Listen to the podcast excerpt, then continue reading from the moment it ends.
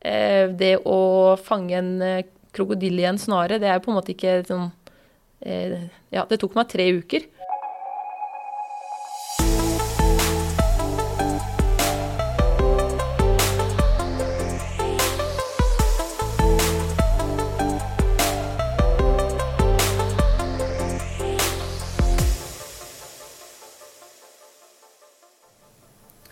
Jakt og friluftsliv er to temaer som klinger godt sammen.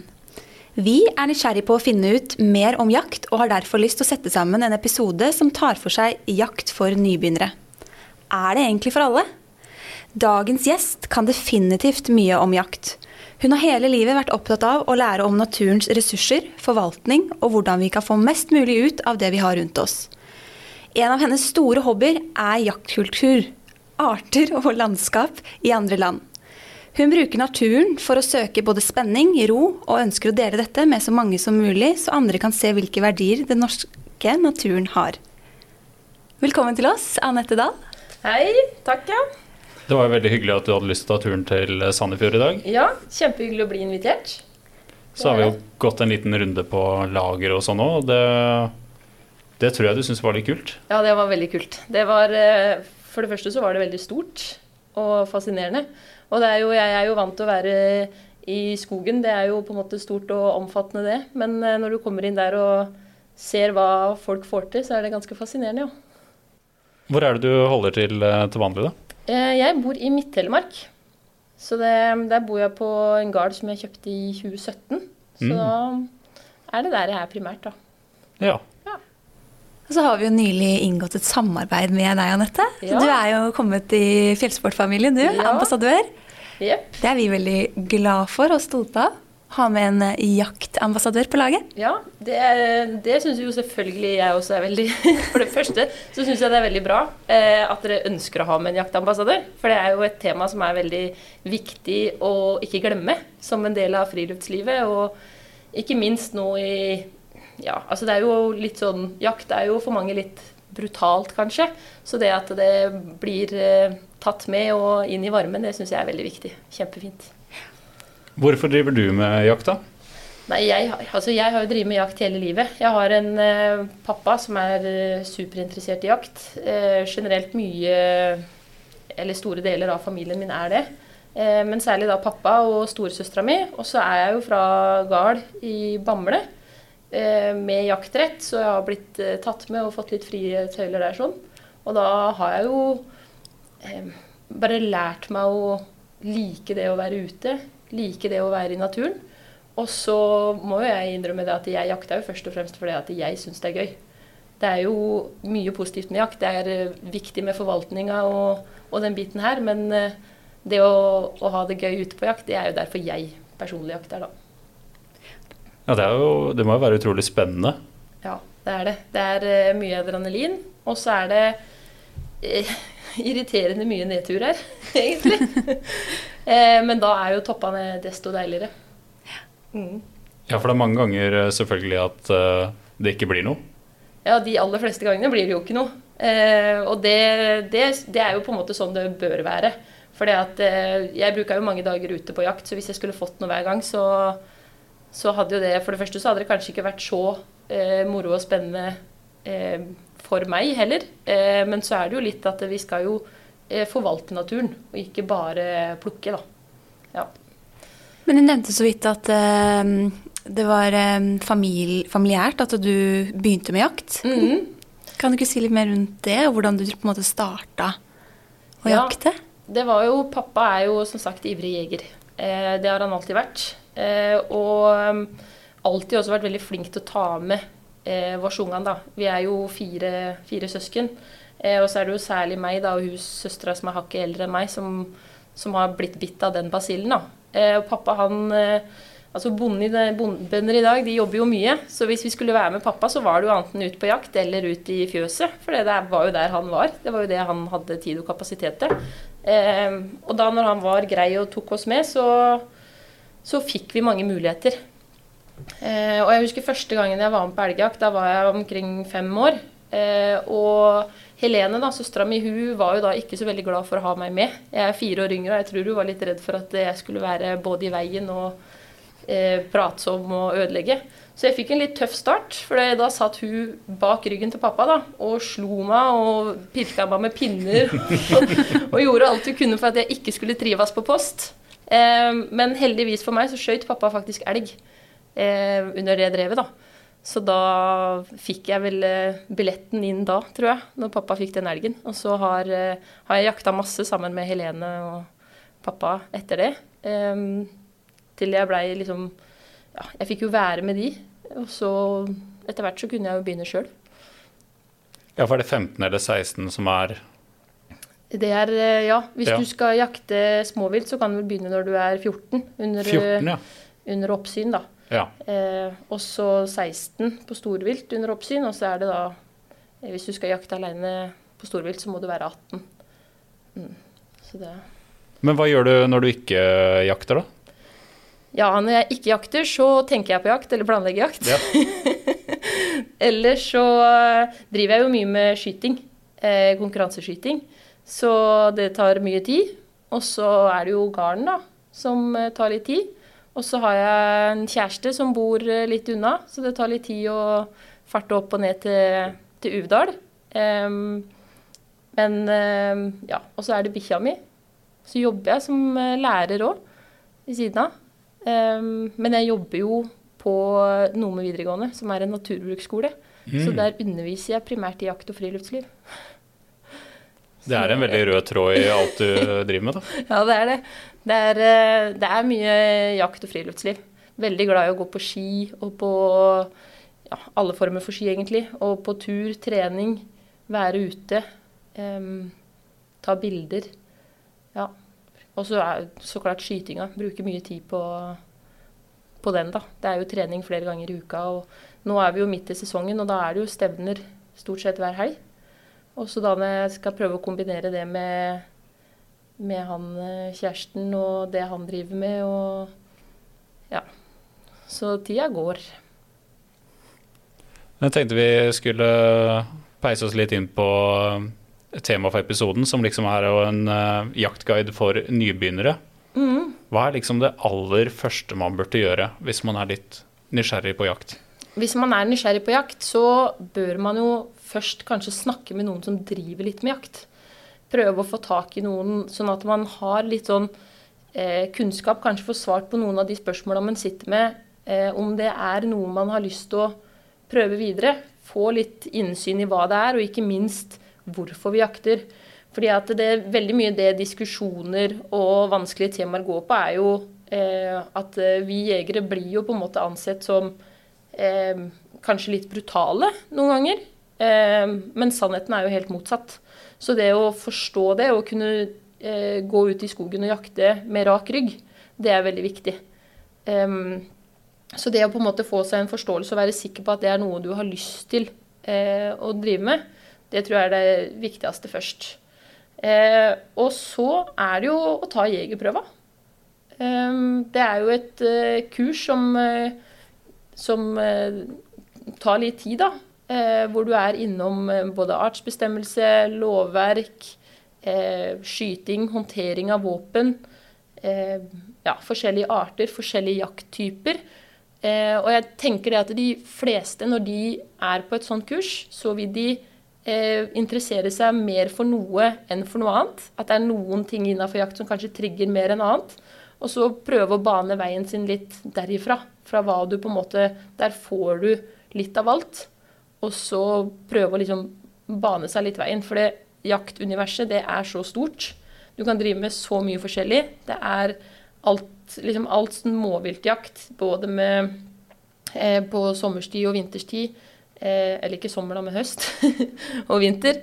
Og eh, samme med storvilt. Eh, om du skal jakte med hagle eller rifle. Om du skal være en jeger som beveger deg mye, eller om du ønsker å være mer i ro. Om du vil lokke, om du vil sitte på, på åte. Da må du jo planlegge. Ikke sant? Det er så mange ting.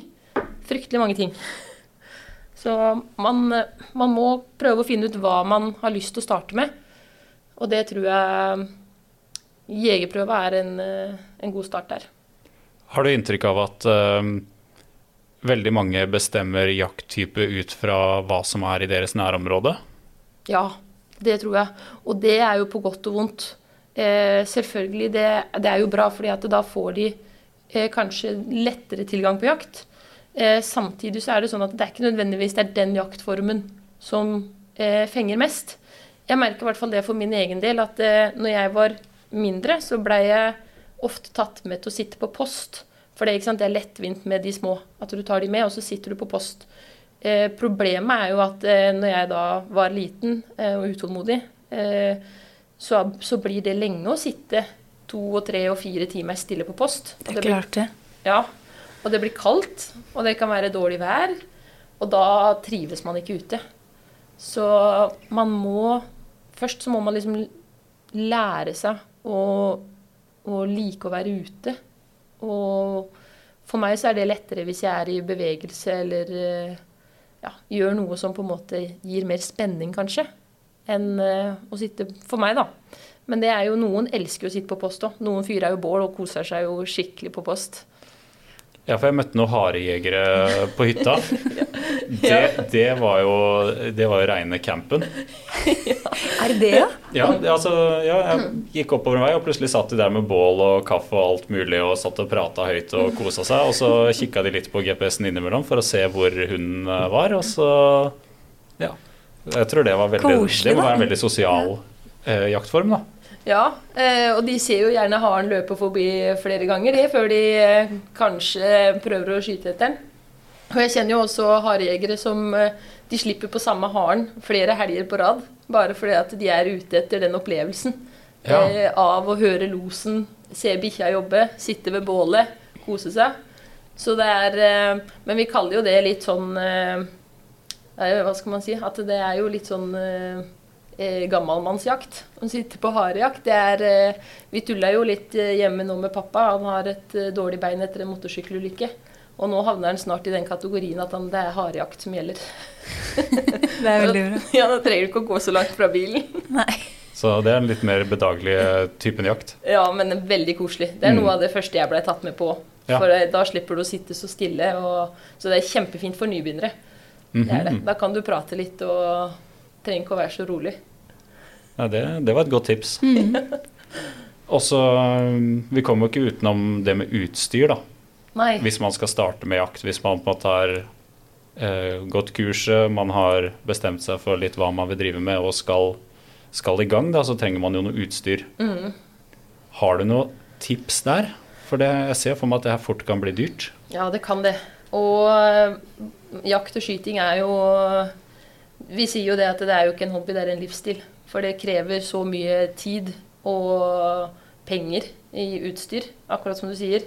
Eh, men det er eh, Det er ikke nødvendig å legge så veldig mye Altså, først så må man jo prøve å finne ut, kartlegge litt hva man liker. Og hvis man er med på opplæringsjakter og sånn i regi av eh, Norges jeger- og fiskeforbund, så får du jo være med, og du får prøve, og du får låne utstyr. Å oh ja, så bra. Ja, ja. det er jo kjempeflott. Ja, det er kjempefint. For dette, da tar de deg med, og så eh, Da må du bare snakke med lokallaget ditt.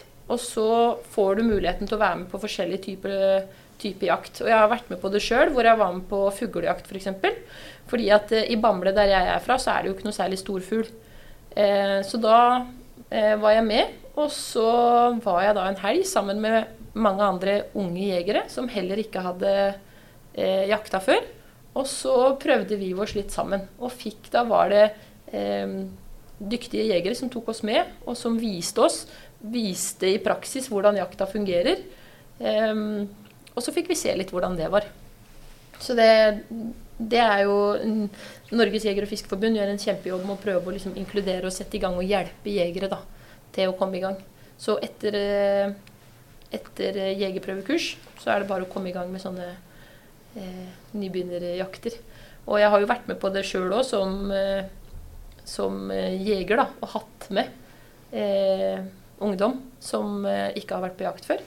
Og da sitter jo jeg ved siden av med rifla, og så har vi vært på rådyrjakt eller hjortejakt. Og så sitter jeg som en slags mer erfaren, da, i, i den grad man kan Ja. Men eh, da er det en trygghet også for de som, eh, som er nybegynnere. At det er med en som har vært med på det før, og som vet hvordan man skal håndtere situasjonen hvis det skulle skje noe. For det er jo det man sitter og er redd for. Man sitter jo ikke og er redd for at alt skal gå bra. Det er jo ikke derfor man blir nervøs. Men um, hvordan, er, eh, hvordan er det Det er kanskje et vagt spørsmål, men hvordan er det å komme inn i et jaktmiljø? Jeg har Eh. liksom sett for meg litt at ofte er det jo litt sånn utvida kompisgjenger eh, med en grunneier, kanskje, og Mm. Hvordan kommer man seg inn i et sånt miljø? Det det, på, på mange områder så er det ganske vanskelig, faktisk. Eh, og det er litt sånn eh, For de som er, eh, eh, har trukket gullbilletten, da, som jeg har, og er født inn i det, så har du jo Da får du jo muligheten fra du er eh, liten, kanskje. Eh, og de fleste jaktlaga, eller sånn i jakta i Norge, det er jo enten Det er én av to ting. Enten så er det grunneiere eh, som har å bruke sin rett. Noen leier jo ut sin jaktrett, men de plassene kan jo være rift om. Eller så er det grunneiere som eh, selger ut hele jakta eller eh, et visst antall løyver til eh, folk. Men da er det jo ofte sånn at eh, man er en gjeng som går sammen om å leie det. Så Ja, rett og slett et spleiselag? Ja. ja. Mm. Eh, så det å komme inn hvis du på en måte ikke kjenner noen andre som jakter, eller har noen familie eller noen med grunneierrett, det kan være vanskelig. Annet enn den nybegynnerjakta som du kan få bli med på fra NJFF. Eh, og da er det jo det med å eh, prøve å, å huke tak i litt kontakter. Eh, gjerne allerede fra jegerprøvekurset, eller på skytebanen. Reise dit. Eh, der er det mange jegere, jaktinteresserte. Jeg har hatt med folk sjøl som jeg har møtt i sånne områder, fordi at jeg vet at eh, jeg som grunneier sitter på en ressurs som ikke er så lett for andre å få tak i. Og det er også mange andre grunneiere som tenker det samme som meg. At det er viktig å prøve å ta de med, de som vil og de som ønsker. For det kan være Vi har jo et begrensa antall med vilt vi skal jakte på i Norge. Men så er det jo noen arter som det er lettere å få tilgang på jakt på enn andre. Hva er det typisk? F.eks. revejakt. Ja. Ja, det er mange bønder og grunneiere som ikke bruker så mye tid og ressurser sjøl på revejakt, eh, men som gjerne vil bli kvitt litt rev. da. For det er jo et voldsomt rovdyr som det kan være fint å rydde litt i hvis man ønsker at andre eh, dyr skal liksom få en litt større bestand i området. da. Men er det noen muligheter eh, holdt å si, som er nesten som fiskekort? Altså Går det an å kjøpe seg uten kontakter? Går det an å kjøpe seg eh, jakttilgang til et område mm. online? Ja, det gjør det. For eksempel så kan man jo få kjøpt seg reinsdyrkort. Oi. Ja. Eh, Da må man gjerne søke, da. Også, for det er jo veldig mange som har lyst på reinsdyrkort. Det er mange om beinet. Men der kan man søke, og så kan du bli trukket ut da, til å få reinsdyrkort i det og det området. Da. Så får du liksom kart og teig og eh, kort på enten ja, ei simle eller en bukk eller kalv eller ja. Ja. Og, så, og sånn også er det litt med F.eks. i det området som jeg er fra, så er det jo eh, litt eh, rådyrjakt som fungerer på samme måte. ja. Men det hører gjerne til kommunen, så da må man inn på eh, hjemmesida til kommunen og så prøve å finne Eller der er det, ligger det ofte søknad om forskjellige kort. Kanskje seljakt eller eh, rådyrjakt. I hvert fall sånn langs kysten her. sånn. Tøft. Så da er det muligheter å- hvis man ikke er eh, i miljøet, da. Det er muligheter, men da blir det ofte litt sånn enkeltsituasjoner. At det året så får du jakte der på det dyret, et annet år så får du jakte der på kanskje et annet vilt. Eh, det å få et jaktmiljø eh, og et fast jaktområde er jo det som er litt krevende. Ja. Ja. Men når du er ute på den andre jakta, da, si at du reiser på reinsdyrjakt, så møter du kanskje andre jegere på vidda. Du oppretter kontakter, og så må man være god til å prøve å holde litt på de. Jegere er jo Det er jo det som er fantastisk med jegere, at det er jo alle. Ikke sant? Det har jo vært mye eh, voksne mannfolk som er, eh, som er liksom den typiske jegeren. Men det er, det er jo litt på vei eh, Jeg skulle akkurat til å spørre hvordan det er å være jente inn i uh, et sånt miljø, da. Ja. Uh, og det er jo, jeg har jo hatt søstera mi, da. Så vi har jo på en måte alltid vært to jenter. Og så er vi to Vi har på en måte kanskje ikke helt den derre Vi har mer eh, lyst til å bare være med og gjøre som vi vil, enn innsikten til å føle på at vi er eh, på en måte jenter i et mannsdominert miljø.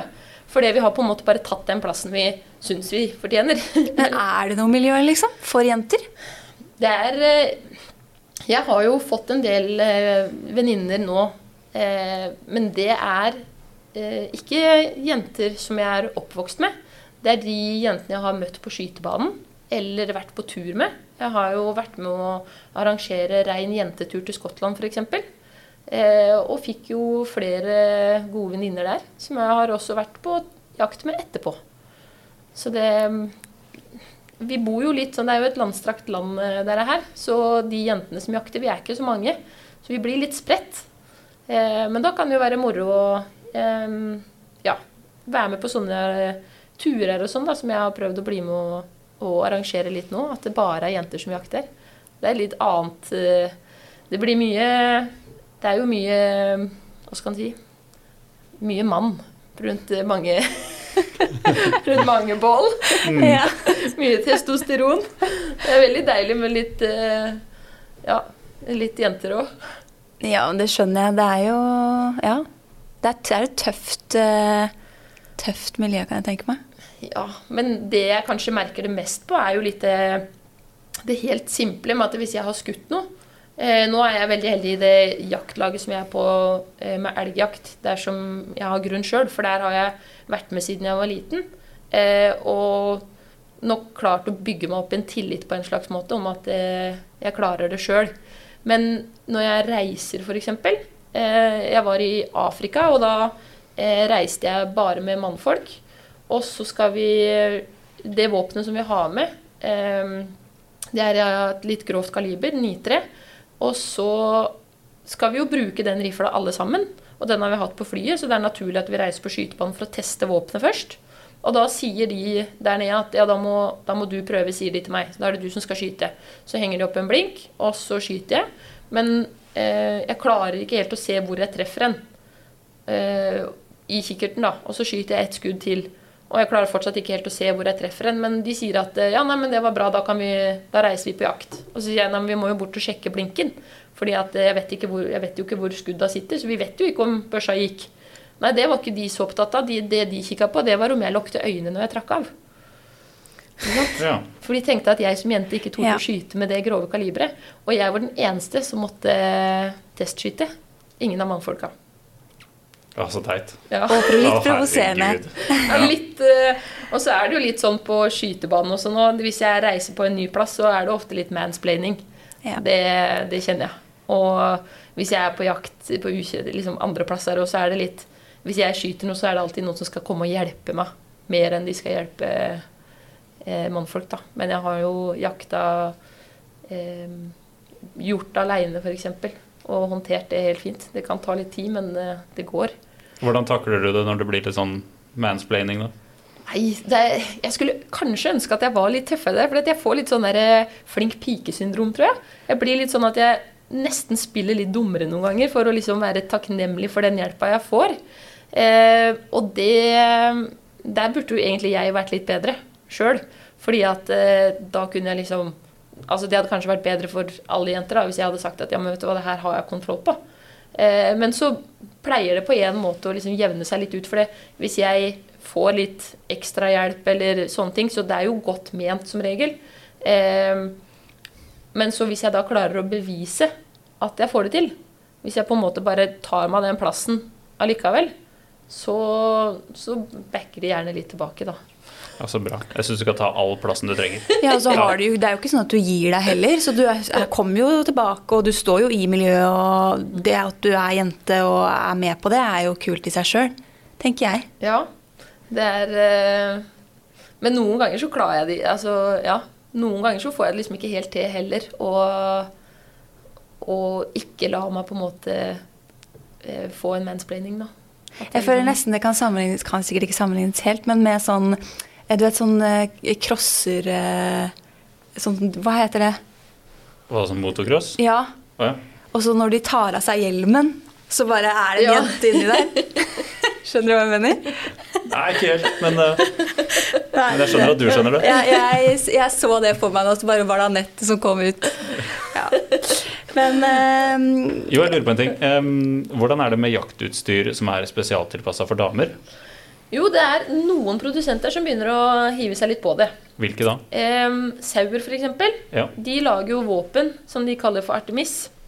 Eh, Sauer Artemis, den eh, serien, det er jo Artemis er jo en eh, jaktgudinne. Eh, og så Da har de laga våpna litt kortere og litt lettere. Og så er det jo sånne som meg igjen, da, som Det er en tilpasning til jenter, og det er kjempeviktig, og det er kjempebra. Men jeg bruker jo ikke de våpna sjøl. Eh, okay. Nei. Så det, fordi at man skyter jo bedre med et litt tungt våpen. Men hvis du skal gå og bære på det, så er det jo veldig mange som Det er jo veldig sånn I Norge spesielt så er vi veldig opptatt av at vi skal ha lette våpen. Fordi at vi skal bære i skogen når vi går, så det er liksom så tøft og tungt å bære. Men jeg dropper heller litt annen vekt, og så har litt mer vekt på børsa. Fordi at en litt tyngre børse vil gjøre deg til en bedre skytter. Du får mer stabilitet. Og det er viktigere for meg å vite at jeg er liksom så godt rusta som mulig da, for å ta et godt skudd, sånn at jakta blir human, enn at jeg absolutt skal bære 200 gram mindre. Så, så jeg for min del foretrekker å ha et litt tyngre våpen. Eh, men tilpasninga er kjempeviktig, og jeg ser det at det, det de har gjort eh, med de våpna med at de har gjort de kortere, det fungerer veldig bra. For eh, nå er jo jeg, jeg er jo 1,72, så jeg jo, har jo både lange armer og bein. Eh, så for meg så funker det jo greit eh, med ja, de er standardvåpna. Men jeg ser det at nybegynnere, gjerne de som er litt mindre, eller, eller jenter, har veldig godt av å på en måte få våpen som passer, for da blir du mye flinkere til å skyte, og da er det mye morsommere, og så føler man seg mye tryggere. Så det, det er kjempeviktig, og der har de gjort en veldig god jobb. Selv om jeg sjøl ikke har liksom helt det behovet akkurat på, på våpenfronten. da. Eh, Men så er det jo på klesfronten. Ja. Der er det stor forskjell. For det, der har jo Herkela vært kjempeflinke nå og laga en hel egen kvinnekolleksjon. I starten så var det på en måte eh, Produsentene de tok på rosa glidelåser og noen sånn rosa detaljer, så var det jentedress. Vi kaller det shrink it and pink it. Det er eh, ja, shrink. ja. ja. Det, det, det var jo sånn det var i starten. Eh, og det er jo noen produsenter som har den, eh, ja, det ennå. Og jeg kan jo på en måte skjønne det fra produsentens side. For det, hvor mange sånne jentedresser får de solgt, da? Det er jo så mange flere gutter som jakter. Men samtidig så er det fryktelig mange som driver med friluftsliv. Så når de klarer å gjøre klærne eh, sånn som Herkel har gjort, og klarer å tilpasse dem sånn at de er gode å gå med for oss, eh, de er solide, de er vanntette, ikke sant, vindtette. Det er klær som du kan bruke. Du trenger ikke bare bruke det til jakt. Når de ikke stapper de fulle av kamuflasje, men kanskje har de nøytralt mørkegrønne eller ja, et eller annet sånt, da, og har en god passform som passer for oss, så, så er det jo et større marked. Eh, fordi at en sånn dress eh, med full kamuflasje og noe rosa på, det er jo til jakt. Mens en, eh, en jaktdress som ja, er litt mer nøytral, men tilpassa, kan jo brukes til mye. Og det her har vi snakka om før, men eh, det, akkurat det med pinket, det irriterer Ja. meg litt. Fordi det er ikke sånn nødvendigvis at vi har lyst til å ha lilla på eh, turutstyret vårt. Eller på, spesielt på klærne, da. Nei. Jeg har gjerne lyst på det beige, grønne, nøytrale selv. Ja, Så ja, det der er litt sånn frustrerende. men det gjelder, jeg tror det gjelder nesten i alt sånn Ja, men det gjør friluftsliv-bekledning og sånn. Eller mm. utstyr òg. Vi ser det jo bare på rifler og stokker og dempere og sånn. Så skal det liksom være rosa, da, og så putter de på at det er sånn jente, jentegreier. Jeg har aldri hatt verken rosa rifle eller demper, og det kommer jeg aldri til å, aldri til å ha. Men er det, syns du det har vært mye utvikling på jaktklær eh, fra du starta? Ja, masse. Ja. Kan du forklare litt hvordan det var, og kanskje Ja. hva som er bedre nå, da?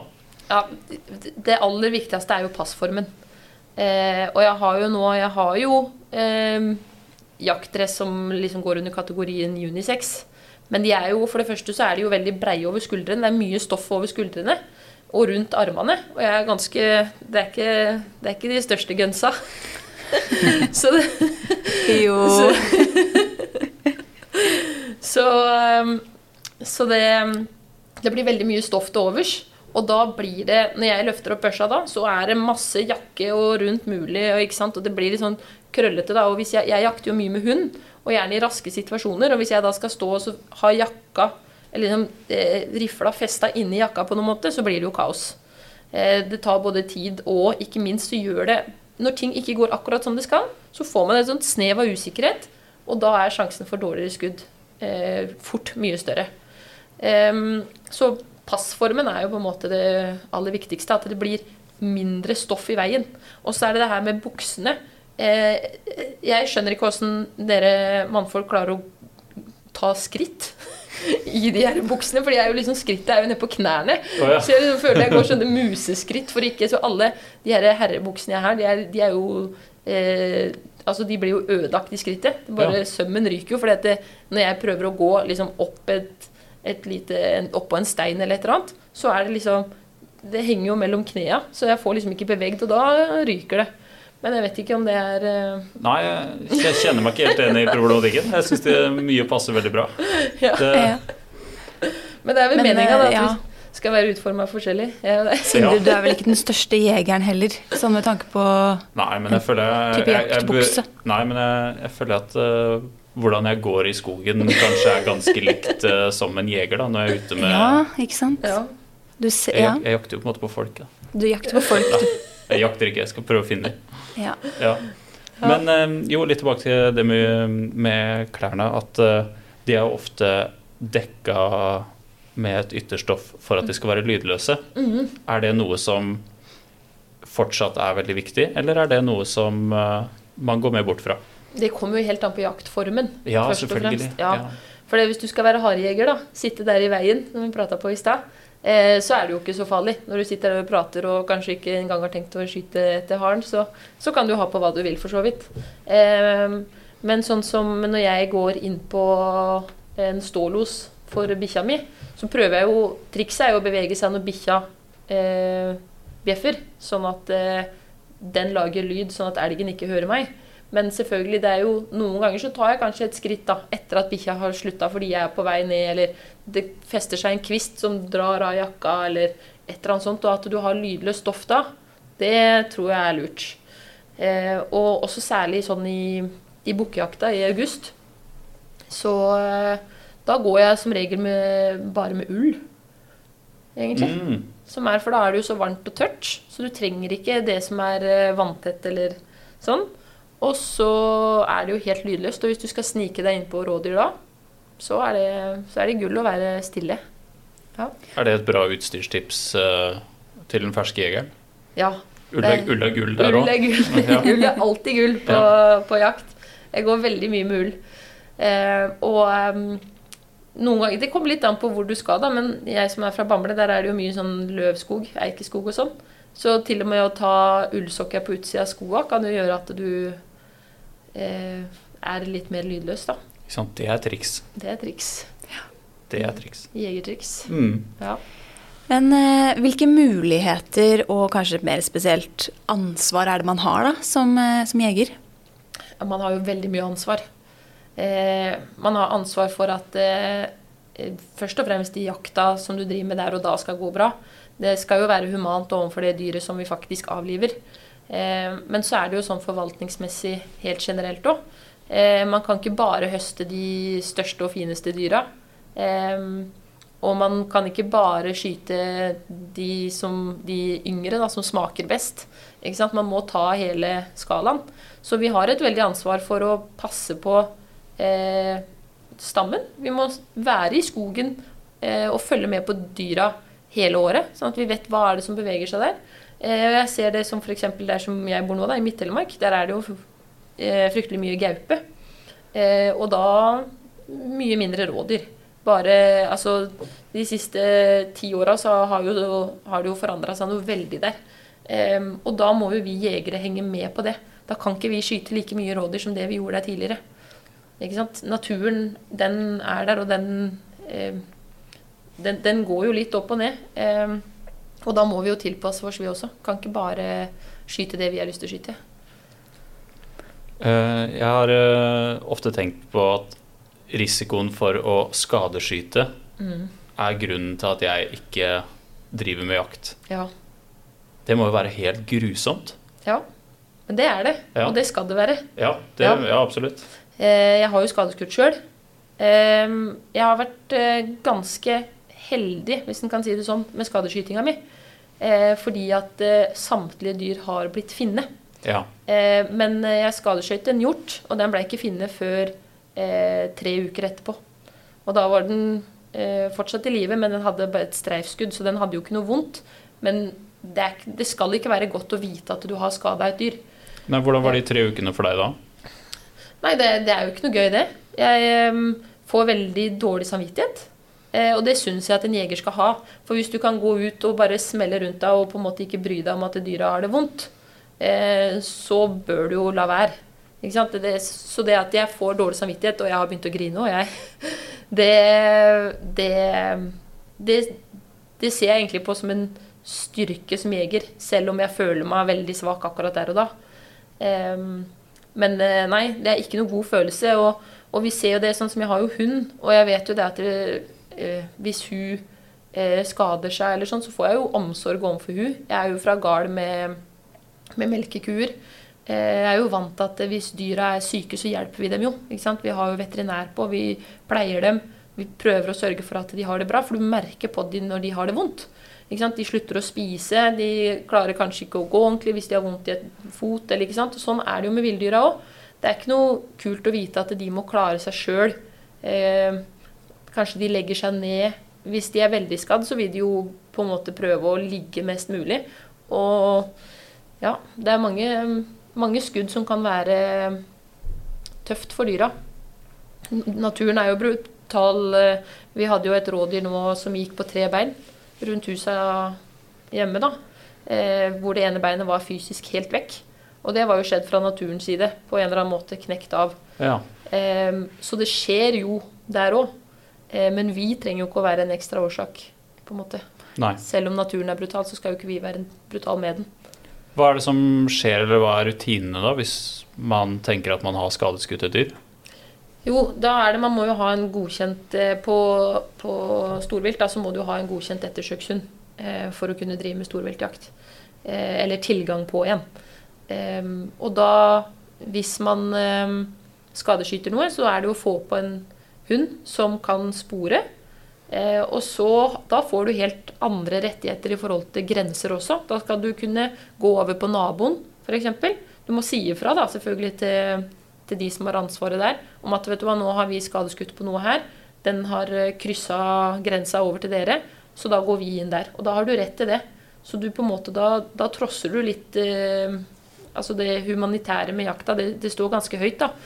Så da får du gå over, og så skal du følge på det i, i to døgn da, før du kan gi deg, eller eh, eventuelt hvis du kan friskmelde det. Hvis dere kan se det, og se at det er friskt. Eh, men da må man jo ordentlig se det, da. Og det kan jo være vanskelig. For det kan jo være et streifskudd som utvikler seg til betennelser eller sånne ting. Har du inntrykk av i Norge at folk er samvittighetsfulle rundt det, eller er det mange som kaller det gi litt eh, faen? Jeg tror særlig unge jegere er gode på det. De som eh, jeg snakker med som på en måte kommer inn i jakta og, og blir en del av det nå, de, eh, de er gode på det. Og de ønsker å De bruker mer tid på skytebanen, forbereder seg, er opptatt av utstyret. Det trenger ikke å være at utstyret skal være så fancy, men det skal fungere. Det skal være noe du kan stole på. Og ikke minst det her med skudd. Eh, tidligere så var det jo litt mer sånn hist og her-skudd. Kanskje ikke I magasinet så har du kanskje plass til fem skudd, da, og så hadde du kanskje fem forskjellige typer. ikke sant? For du tok det som var. Eh, nå er folk på skytebanen, skyter med de skudda som de skal bruke på jakt, ser at de går, eh, og vet på en måte at de er så godt rusta som mulig. da. Og jeg tror det henger sammen med både det derre eh, reglementet som vi har, at vi har på en måte retningslinjer som sier at vi skal gjøre det sånn, men også samvittigheten og omsorgen som jegere har for dyr. Er jo, Jegere er jo kjempeflinke til å ta vare på dyr. Vi er jo mye ute og Nå har det jo vært litt stopp i fôringa pga. CVD, men ellers er det jo jegerne som er ute og fôrer de på vinteren. Det er jegere som kjører opp eh, eh, spor som rådyra kan gå i når det blir for høy snø. Det er jegere som setter ut saltstein. Det er vi som følger med på kameraer. Det er vi som vet hvilke dyr som beveger seg hvor.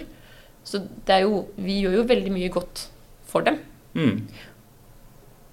Ja, det Ja, er gode absolutt. poenger, altså. Mm. Ja, det er, det er så Det er liksom sånn derre Jeg har jo Instagram og sånn, og jeg får jo så mye eh, Sånn derre Hvor barbarisk jeg er.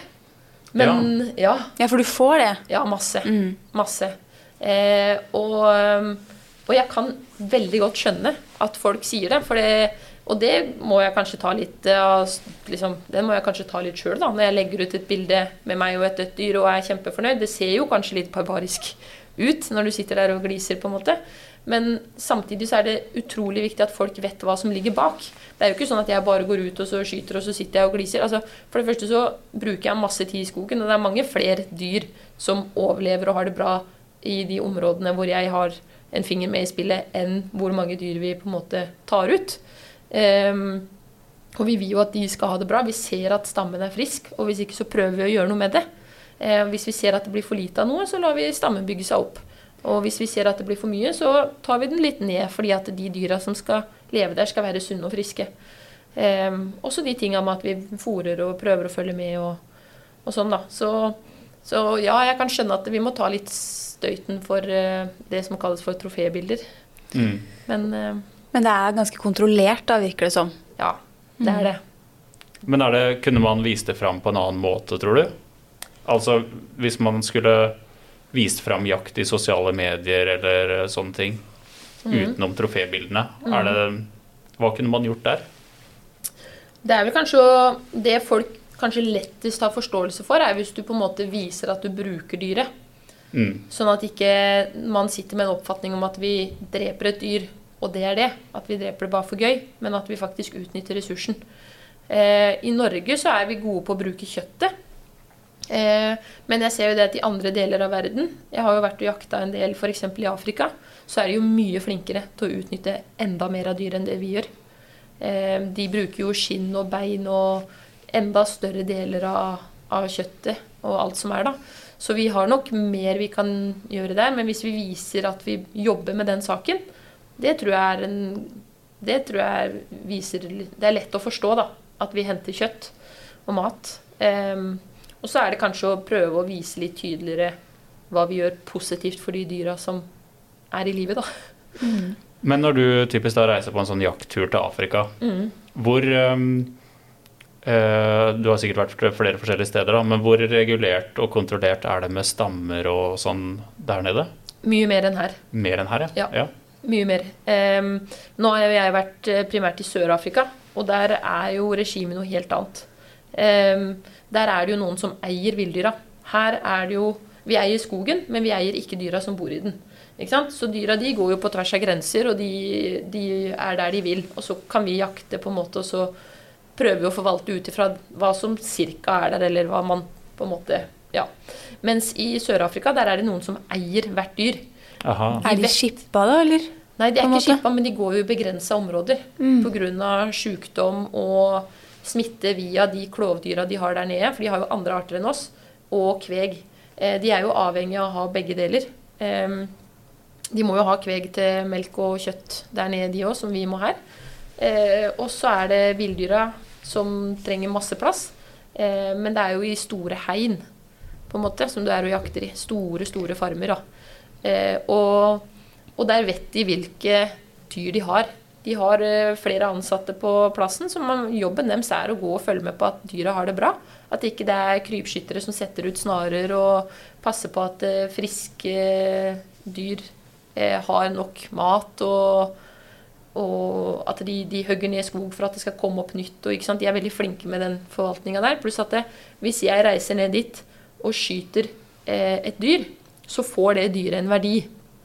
Ikke sant? For da får de eh, penger for det dyret jeg skyter, pluss at det skaper arbeidsplasser, pluss at de sitter igjen med masse ressurs.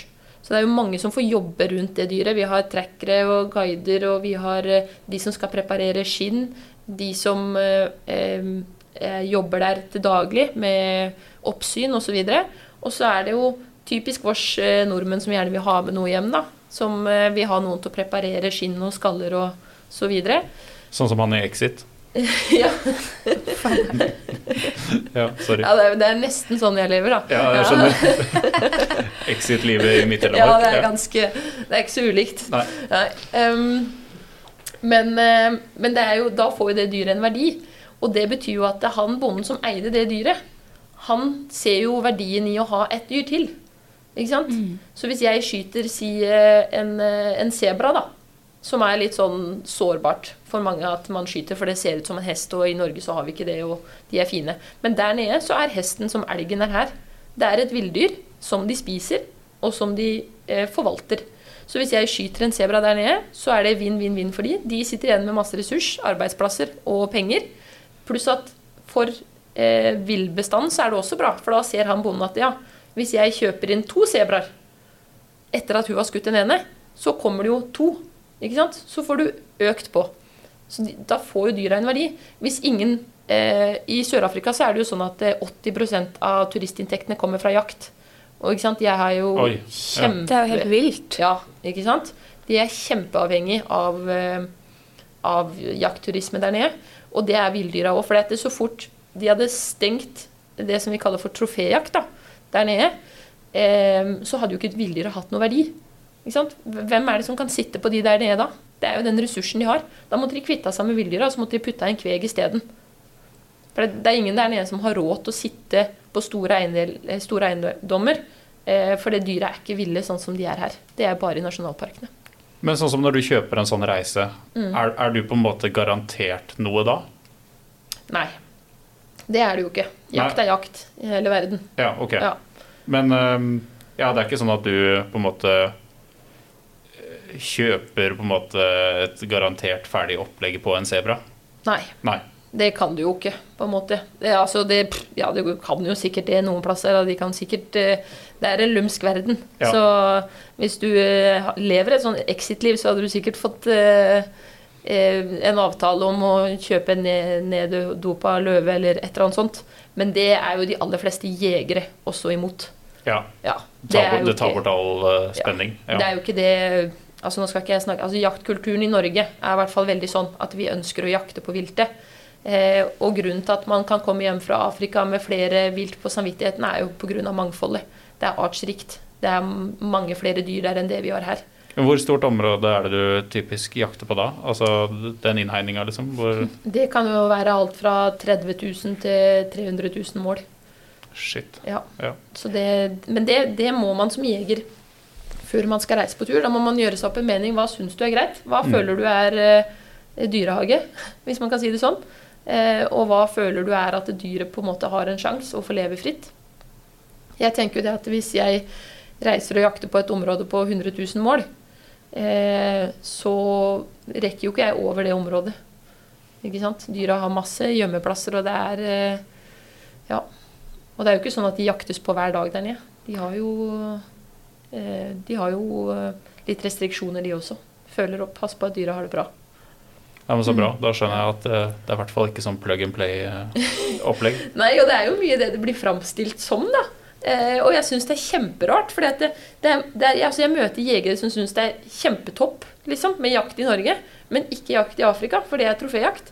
Men så er det sånn eh, Altså, prinsippet er jo det samme. Du må forvalte en stamme. Så, Og det tror jeg er litt fint at man får fram, sånn som nå. altså at man får oppklart det. Og det er nok mange som lurer på det, også her på huset. Ja. Eh, har jeg hørt eh, flere som på en måte har spurt om nettopp kanskje rundt de der turene Ja. til Afrika, da, som Anette har. Ja. Så jeg syns det har vært ve- veldig fint hvert fall å høre din side av det nå. ja. Og hvordan det faktisk er. Mm.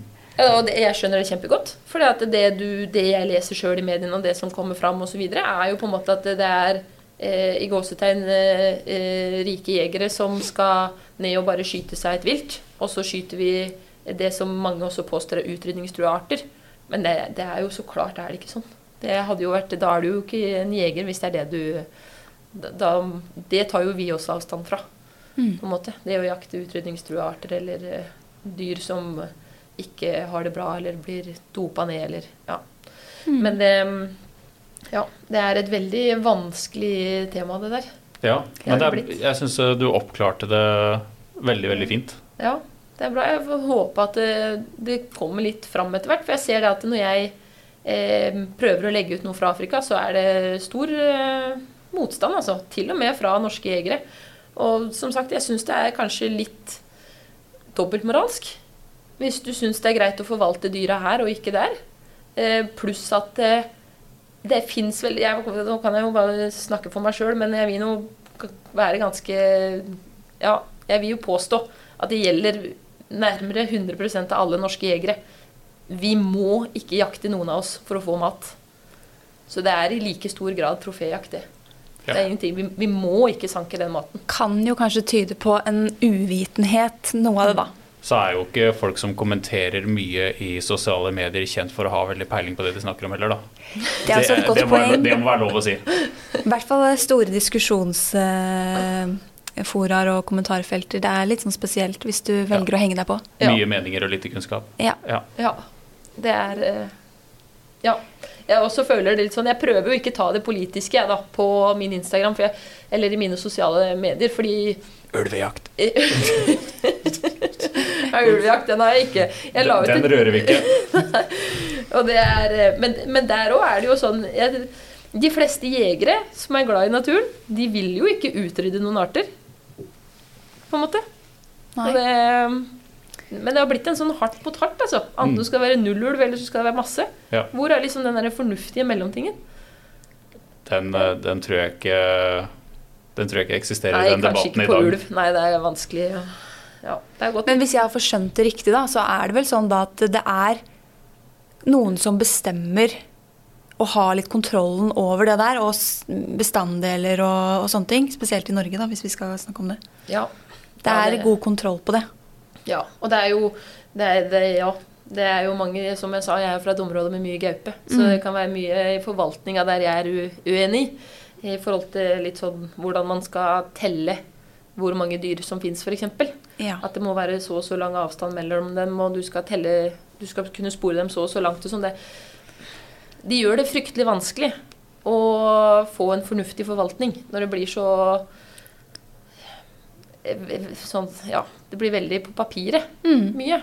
Og det syns jeg er litt trist, for forvaltninga er jo det som skjer i skogen. Mm. Ikke nødvendigvis alt det som liksom skjer bak en skjerm eller Nei. Så det er, det er nok vanskelig å få det helt riktig. Men jeg tror nok på generelt basis så er vi gode i Norge. Mm. Ja. Men bedre i Afrika, hørtes det ut som. Eller det- det- Sør-Afrika. Men det er jo helt andre Vi har jo en helt annen natur, helt andre arter. Eh, og ikke minst eh, helt andre ressurser. Afrika de er jo veldig avhengig Altså de, de har ikke olje og eh, på en måte en stat sånn som vi har. Em, det er i Johannesburg, da, som eh, er den største byen der, så er det over 70% arbeidsledighet. Ja. Og da Det sier, at, det sier sitt. Altså de, de er avhengig av alt de kan få. Og når 80% av eh, turistinntektene kommer fra, fra troféjakt, da, så kan du ikke bare kutte den. Nei. Den har en enorm verdi. Jeg tror vi begynner å nærme oss avslutninga, ja. Mm. Og da har vi noen faste spørsmål. Har du forberedt deg? Ja, jeg fikk jo de spørsmåla her eh, i går. Ja. Da- Skikkelig hyggelig. Da, På, på kvelden i går, eh, Ja. Silje. ja, Da var jeg på jobb, vet du. ja. Eh, Den første er jo at um, vi lurte på om du kunne ta med en ting som beskriver deg som person. Yes. Eh, og da, det første jeg tenkte, var jo selvfølgelig et våpen. Men eh, det er jo vanskelig med, med bæretillatelse rundt på bruket her, tenker jeg. Så jeg, valgte Vi utlyser i lokalt. så jeg valgte å ikke ta med noe våpen. Men jeg har tatt med en liten ting som jeg har i lomma her. Oi, det er en sånn gjennomsiktig plastikkpose med Ja. noe inni. Ja, og jeg måtte Oi. ha den inni der, for jeg er så redd for å miste den. Ja. Så jeg måtte gjøre den større enn det den er. Ja. Eh, og da valgte jeg å putte den i en pose. Er det en Men- tann? Det er en tann, ja. Du Ja. kan få se på den. Og jeg, så kan jeg ta på noe? Ja, Den biter ikke nå lenger. Er det hjørnetanna til labrador? Nei. Nei. Nei. En hvit tann, altså? Mm. Eh, er det quiz på hva, hva den stammer fra? Nei, det, det var jo egentlig ikke noen quiz, men du kan jo gjerne tippe. Nei, jeg har ikke peil. Jo, jeg vil eh, Ja. gjette. Ja. Er det bever? Nei, Nei. ikke bever. Det der er fra et rovdyr. Eh, rev eller gaupe? Nei, ikke noe vi har i Norge. Oi, Oi. Så det er eh, Tenk at vi har vært tatt på den, da, Sindre. er det crocodile? Ja, Er det det? Nei. det er det. Å, så kult! Det er en krokodilletann. Hvordan, eh, hvordan beskriver den deg eh, som person? Eh, ja, det, det, jo litt sånn, det blir jo en litt sånn lang eh, link på en måte, kanskje. Men det her er jo en tann fra en krokodille som jeg har eh, fanga i snare og avliva med kniv. Eh, så jeg føler jo litt at på en måte, den historien bak tanna er kanskje det som beskriver meg mest. Eh, I forhold til at jeg er veldig glad i eh, å reise, ikke sant. Vi har jo ikke krokodiller i Norge. Eh, at eh, jeg er veldig glad i å utfordre meg sjøl. Eh, det å fange en krokodille i en snare, det er jo på en måte ikke sånn eh, Ja, det tok meg tre uker. Eh, og så Og da å på en måte hoppe på den og skulle avlive den med kniv. Jeg føler at det kanskje viser litt eh, dumheten i meg. Det er jo helt sjukt. At jeg kanskje ikke er så god til å tenke konsekvenser. Men at, eh, og jeg er ikke noen sånn tøffing, men jeg er veldig eh, veldig ja-menneske. Veldig lyst til å prøve. Hvis det høres spennende ut, så har jeg veldig lyst. Eh, og ikke lyst til å angre på at jeg ikke har gjort det. Eh, og det er nok derfor jeg har reist. Jeg har jo reist veldig mye. Eh, jakta på mange forskjellige arter rundt i hele verden. Eh, og det er jo nettopp fordi, fordi at eh, jakt er så viktig for meg. Og jeg tenker at jo større og bedre jeg kan gjøre det, eh, jo kulere er det for meg. Så det er liksom Ja. Derfor blei det den, da. Så kult. Shit. Og litt vilt. Ja, Helt rått. Stilig. Så den eh, har jeg tatt, prøvd å ta vare på, da. Ja, det syns jeg var en bra Ja, det var gjenstand. veldig bra. Ja. Det, vil du Ja. ta neste, eller Silje? Hva er det du eh, Hva reiser du aldri på tur uten? Eh, ja, det må jo kanskje bli eh, Da kanskje jeg kan si våpen. Eh, altså, det er jo mest jakt eh, og jaktturer jeg reiser på. Eh, men det er jo på en måte ikke helt sant det heller, for jakt er jo bare en begrensa tid av året. Og jeg, er jo ute hver dag. Eh, men hvis jeg skal reise på tur, eh, hvis jeg skal ut og fly eller sånn, så er det ja, de siste Nå er det kanskje de siste ti åra eller noe sånt som jeg har drevet og siden jeg begynte å reise, så er, har jeg jo alltid reist på jaktreiser. Mm. Ja. Jeg har jo, hatt, jeg har jo vært på noen sånne venninneturer og shoppingturer og sånn tidligere, men det, det er på en måte det, det er jakt som prioriteres. Mm. Ja. Mm. Og så er det siste spørsmålet. Er det noe utstyr du alltid har ønska deg, men som du enda ikke har fått kjøpt? Ja. Og det var jo Når jeg leste det spørsmålet, så fikk jeg sånn derre remse i huet, ikke sant. For det, Mm. det er jo tusen ting man, man vil ha. Eh, men kanskje den tingen som det er Som jeg har vært noe av det som jeg ønska meg mest, eller lengst, eh, og som det er rarest at jeg på en måte ikke har prioritert å kjøpe ennå, eh, det må jo være eh, kikkert med avstandsmåler, eller avstandsmåler. Ja. For det, altså det, det, det hjelper jo med alt jeg på en måte egentlig ønsker i forhold til å drive med human jakt og, og sånne ting. Så det er jo egentlig bare Men jeg, og jeg klarer ikke å forklare det. Det var kanskje et litt kjedelig svar òg, men det, Nei, det er helt opp, det. det er jo egentlig et genialt Altså en genial ting. Så å ha en kikkert med avstandsmåler Hvor dyrt er det? Nei, det er jo Hvis du bare skal ha en avstandsmåler, så er det vel rundt fra to og et halvt, kanskje. Men en, kikk, en god kikkert med avstandsmåler er kanskje opp mot en 25 Ja. Ja. Hmm. Det varierer jo. Det er et Mm. stort sprik i eh, utstyrsverden, for å si det sånn. Som Ja, vi snakka om litt tidligere. også. Ja. Absolutt. Der kan du få alt fra ja, hele sjiktet. Ja. Ja. Ja, men det syns vi at uh, du skal unne deg. Ja, uh, ja, og jeg tenkte, tenkte litt på det. Det var nesten sånn at jeg ikke hadde lyst til å si det eller si det. det er sånn jeg burde, burde ha når jeg driver med så mye forskjellig jakt. da, Og, og kunne ta trygge skudd og vite avstand. Mm. Det er jo kjempelurt, egentlig. Nei, men så bra. Da Fantastisk. tror jeg vi, vi har jo fått prata rundt veldig mange forskjellige ting med jakt i dag, syns jeg. Enig. Mhm. Så da tror jeg rett og slett at vi runder av og ønsker folk eh, god tur. God tur. God tur, ja.